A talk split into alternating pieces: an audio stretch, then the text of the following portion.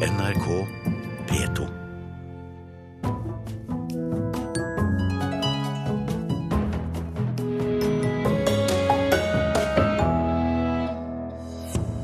Kultur- og kirkeminister er en unødvendig tittel. Kirkedelen bør bort, mener flere livssynsorganisasjoner.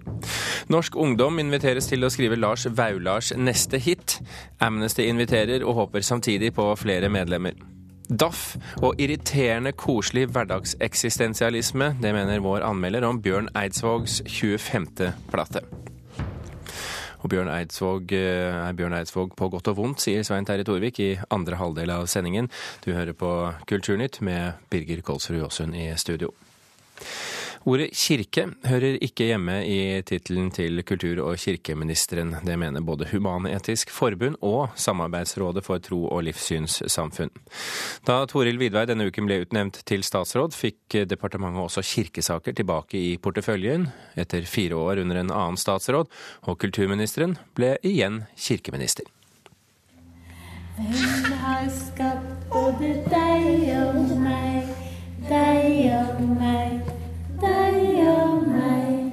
Hvem har skapt både deg og meg, jo Gud i himmelen? På sklisikre matter i Sofienberg menighetshus sprelles det i strømpebukser og bodyer.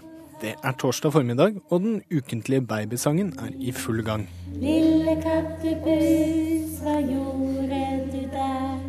Med en ny regjering på plass er ansvaret for kirkesaker nå flytta tilbake til Kulturdepartementet etter fire år under en annen statsråd. Toril Vidvei er dermed kultur- og kirkeminister, en tittel Silje Tangnes synes er helt på sin plass. Hva er, hva er alternativet? Jeg mener, hun er jo en minister for også kirken, og enn så lenge så er det jo en type statskirke i Norge, så jeg, jeg tenker jo det er naturlig. Det heter det. Generalsekretær Kristin Mile i Human-Etisk Forbund er på sin side ikke like begeistra for navnevalget. Når jeg hørte eh, statsministeren presentere sitt eh, nye lag, eh, og hun presenterte Vidvei som kultur- og kirkeminister, da reagerte jeg. For jeg tenkte det burde vi ikke lenger ha, eh, av mange grunner. Men i hvert fall som en, en konsekvens av endringer i forholdet mellom stat og kirke, så burde kirkeminister vært en unødvendig tittel. De seneste fire åra har ansvaret for kirkesaker og andre livssynssaker vært delt mellom to departement. Mile synes det er bra at alle livssynssaker nå er samla under ett tak. Det samme gjør daglig leder Lise Tørnby i Samarbeidsrådet for tro- og livssynssamfunn. Men også hun reagerer på Toril Vidveis tittel. Jeg hadde ønsket meg at det skulle vært en livssyns- og kulturminister, og ikke en kirkeminister.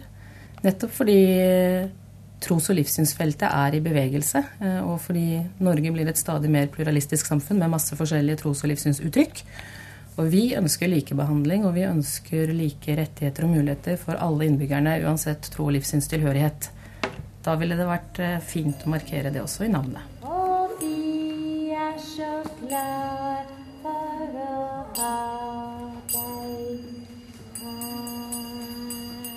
Sangen har stilna i Sofienberg menighetshus. Mens de minste ruller rundt blant rytmeegg og tamburiner, får slitne småbarnsforeldre slått av en prat over en kopp kaffe. Silje Tangnes og Hans Henrik Pettersen synes også det er bra at alle trossamfunn nå er samla. Det er jo en type likestilling mellom eh, trossamfunnene. Sett kanskje i lys av det, så burde det kanskje hett noe annet enn kirkeminister, da. Ja, hva med religionsminister? Det høres ut som vi bor i Iran, syns jeg. Man må på et eller annet nivå akseptere at, at eh, statsrådene kan ikke ha alt de har ansvaret for i tittelen sin. Reportere her, det var eh, Åsta Hoem Hagen og Pål Buseth. Kultur- og kirkeminister Toril Vidvei eh, åpner nå for å endre navnet på departementet sitt. Hun påpeker at den nåværende statsrådtittelen hennes er foreløpig, og at det endelige navnet ikke skal være klart før nyttår. Navneendringen skjer ikke fra 1.1.2014, så det er fullt mulig å kunne gjøre tilpasninger i forhold til det. Dette er ikke noen stor, eh, stort poeng politisk, så, så det er det åpent for å ha en eh, ny vurdering på når det gjelder navnet på departementet. Så dere vurderer å kanskje kalle det et annet navn enn kirke og kultur? Kultur- og kirkedepartementet? Ja, så Det er mulig å komme tilbake igjen til det, ja. Absolutt. Hva syns du om forslaget som noen av dem vi har snakka med, de foreslår Kultur- og livssynsdepartementet? Ja, det, Jeg tar med meg alle de eh, gode forslagene som er kommet her, og det får vi da vurdere hva vi egentlig vil kalle departementet. Og Toril Vidvei snakket med vår reporter Helga Rognstad.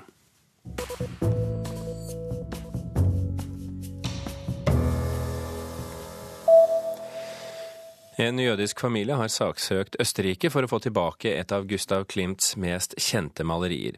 Den 34 meter lange og to meter høye Beethoven-frisen er populær blant turister i Wien. Familien etter kunstsamler Erich Lederer mener at bildet ble stjålet av nazistene, og at det har havnet i statens eie på umoralsk vis. Østerrike har satt i gang en gjennomgang av opprinnelsen til all kunsten staten eier, for å komme lignende saker i forkjøpet. Saken mot en polsk kunstner som provoserte Russland kraftig med et kunstverk i Gdansk i helgen, blir henlagt. Natt til søndag satte kunstneren opp en skulptur av en sovjetisk soldat som voldtar en gravid kvinne. Historikere mener voldtekt var utbredt blant sovjetiske soldater under frigjøringen av Polen under andre verdenskrig. Russland fordømte straks kunstverket som vulgært og krenkende, men påtalemyndigheten ser ikke kunsten som rasistisk eller hatefull.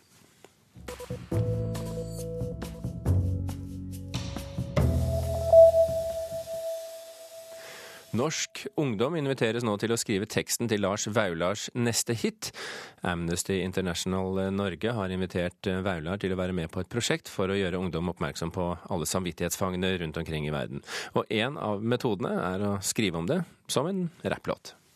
Blasfemi, ikke fri. De brukte kirken som scene, som en preken fra fjellet. Teksten Juliane Torbjørnsen fremfører, handler om de russiske aktivistene i Pussy Riot, og er skrevet sammen med Amnesty-gruppa på Oslo katedralskole. Staten skal ikke innbyggerne dolke. Ytringsfrihet til folket. Amnestys neste kampanje ønsker å gjøre ungdom mer oppmerksom på verdens samvittighetsfanger. Over hele verden sitter det mennesker fengslet for å ha sagt sin mening. Med fare for egne liv kjemper de her ytringsfrihetens helter for å belyse maktmisbruk og skape et bedre samfunn. Og for å gjøre det har Amnesty fått med seg Lars Vaular. Han inviterer videregående-elever til å la seg inspirere, og skrive det som kan bli teksten til hans neste hit. Har, det er aldri noen som har, har skrevet tekster for meg.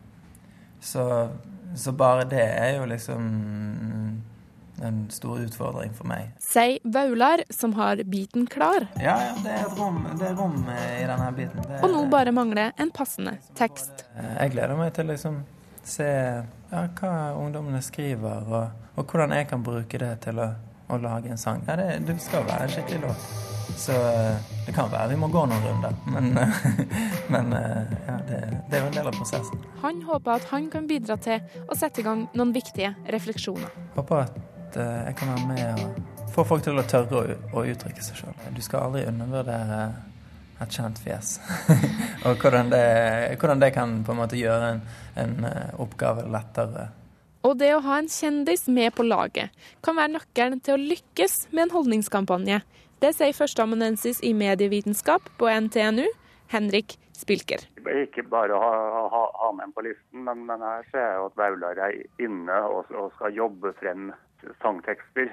Sånn, sånn, at han stiller jo opp med mye mer enn bare det å være et navn på plakaten. Også på Oslo katedralskole er det populært at en kjent person fronter kampanjen. Det, man kan jo si om det er viktig eller ikke, men det har i hvert fall betydning.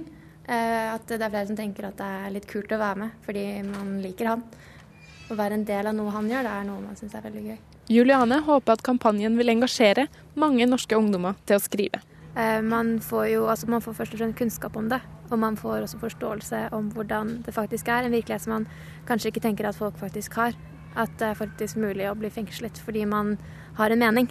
Det er en veldig viktig tekst, og den skal på en måte fram et viktig budskap. og Juliane og venninna Darja har skrevet sitt forslag. Vi måtte gjennom noen nødrim og slikt, um, men jeg tror vi fikk frem det vi ville få frem. Og er spent på hva Lars Vaular vil si om deres tekst. Blasfemi, er ikke fri. Staten skal ikke innbyggerne dolke ytringsfrihet til folket. Ja, all right. Jeg liker begynnelsen her. Da er det på en måte et visst uh, rom for tolkning. Nei, men, uh, nei, men det er veldig godt utgangspunkt. Veldig godt utgangspunkt, sa Lars Vaular, reporter her det var eh, Helga Rognstad.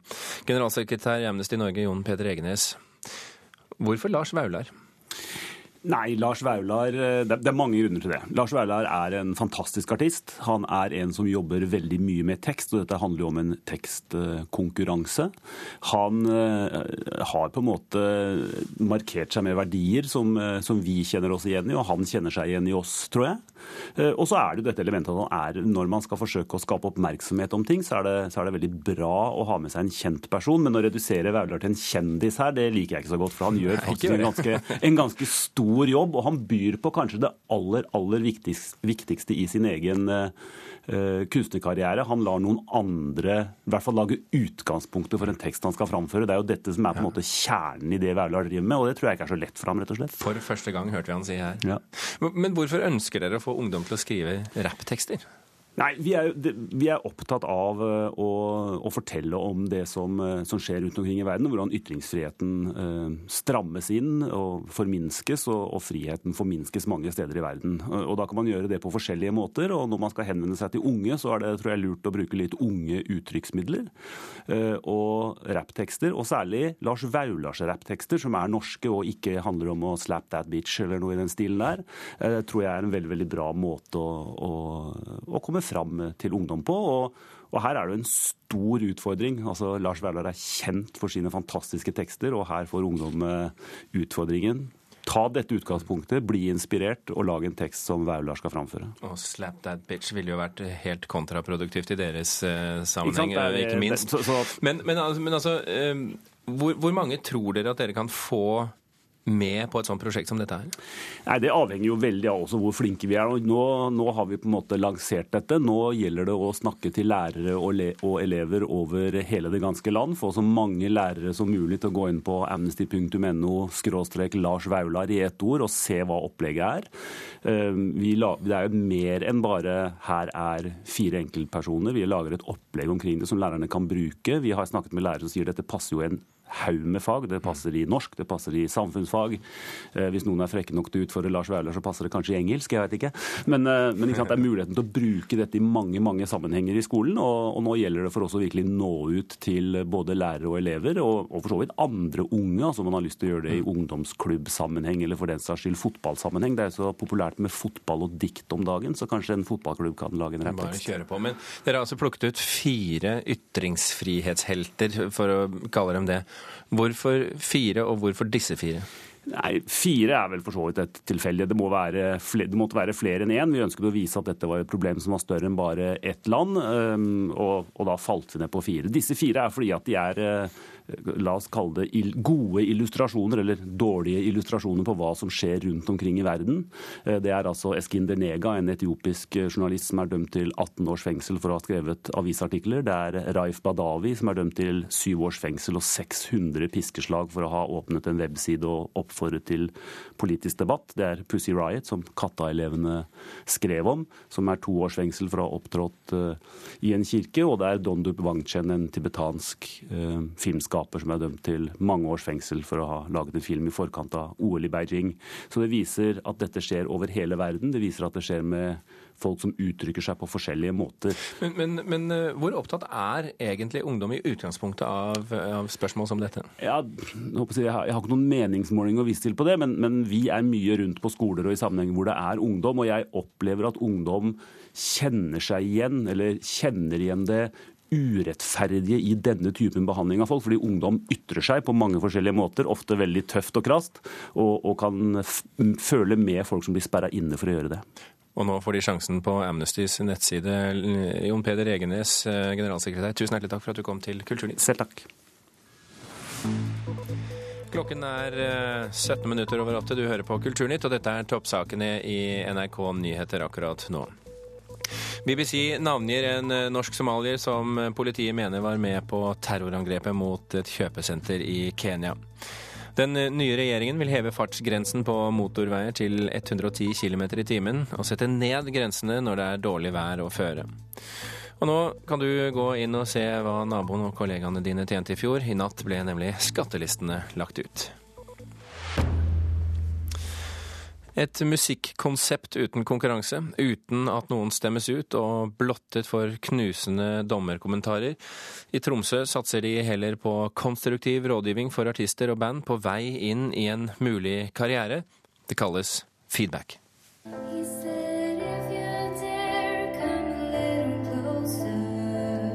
15 år gamle Martine Strøm Johansen er en av sju artister og band som skal på scenen på ungdomshuset Tvibit torsdag kveld. For tredje gang arrangerer Tvibit kompetansesenter for rock og intro talent Feedback, et konsept som skal styrke unge artister. Vi ønsker å lage et konsept hvor vi kan følge opp artistene litt nærmere. Spill live, én til tre låter. Gå backstage rett etter eh, konsert og møte et fagpanel som forteller deg hva de syns, eh, og har en samtale med deg om hva du bør tenke på, hva som funker, hva som ikke funker. Etter en sånn dag så skal man sitte igjen med litt mer eh, å jobbe med da, som artist. Anette Tunim Jacobsen er prosjektleder og har ei mild hånd om artistene. En av dem er 17 år gamle Jonas Dreyer. Jeg meldte meg på det her nå for at eh, jeg skal til Russland neste uke på, med UKM Arctic der på et internasjonalt talent, sånn talentprosjekt. Så tenkte jeg at de tilbakemeldingene jeg kan få her av fagpanelet her, vil være nyttig å ta med seg dit. Er du nervøs før du skal inn her? Jeg er blitt ganske vant nå til å gå på scenen, men man blir jo alltid nervøs. Vi er ikke negativ noe sånt, det gjør vi ikke. Vi kritiserer ikke noen. Vi er bare ute etter å få frem talent og bygge dem mer opp. Det sier Mia Eriksen i fagpanelet, som består av erfarne folk fra ulike deler av Tromsøs musikkmiljø. Her er både arrangørkompetanse og folk som sjøl er musikere. Kiss me,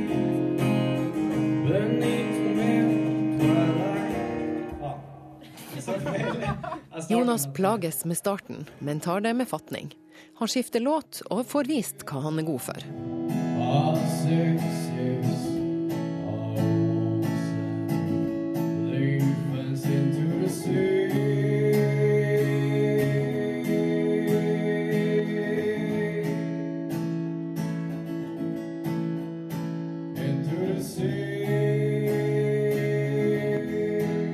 Det er jo kjempebra tiltak, og det er jo kult å gi ferske artister en slags scene å stå på og prøve ut. Det sier Jon Nilsen i hardcore punkbandet Ondt blod.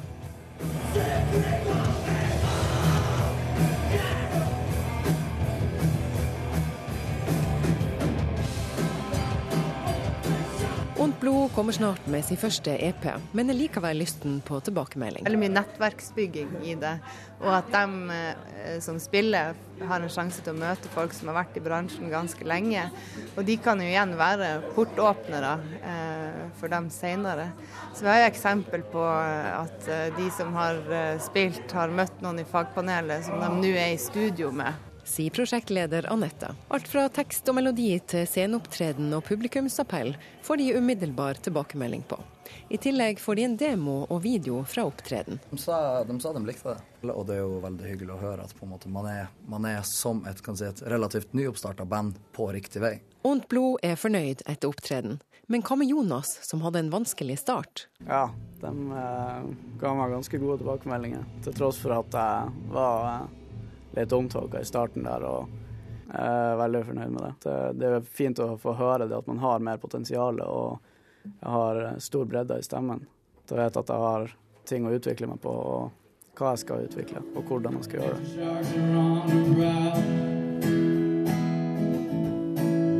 det.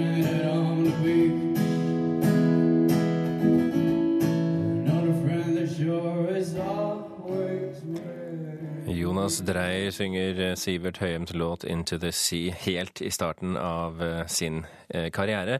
Og feedback skal arrangeres minst to ganger i året i Tromsø. Reporter her, det var Hege Irén Hansen.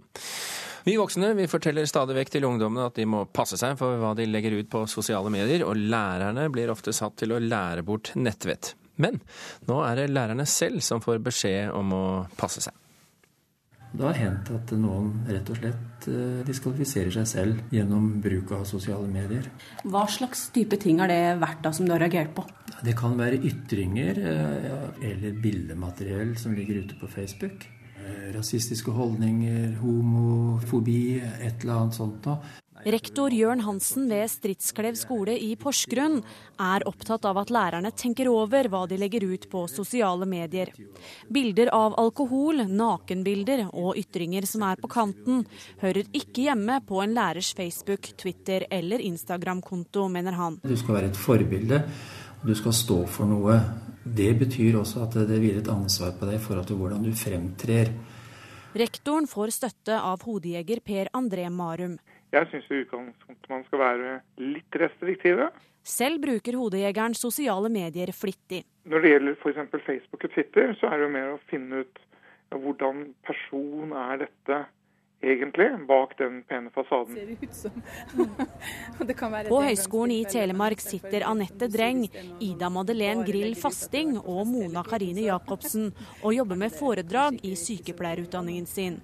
De forteller at de er bevisste på hva de legger ut på sosiale medier. Jeg har valgt å ha sperra profil, så kun mine venner og bekjente kan se hva jeg legger ut.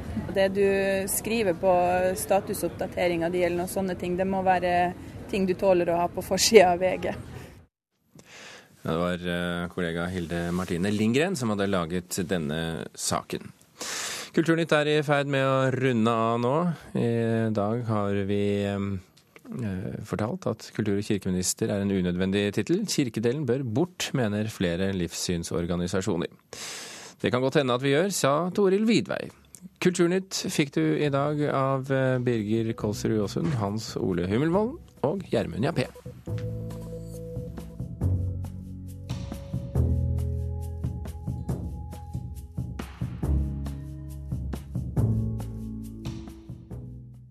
Hør flere podkaster på nrk.no podkast.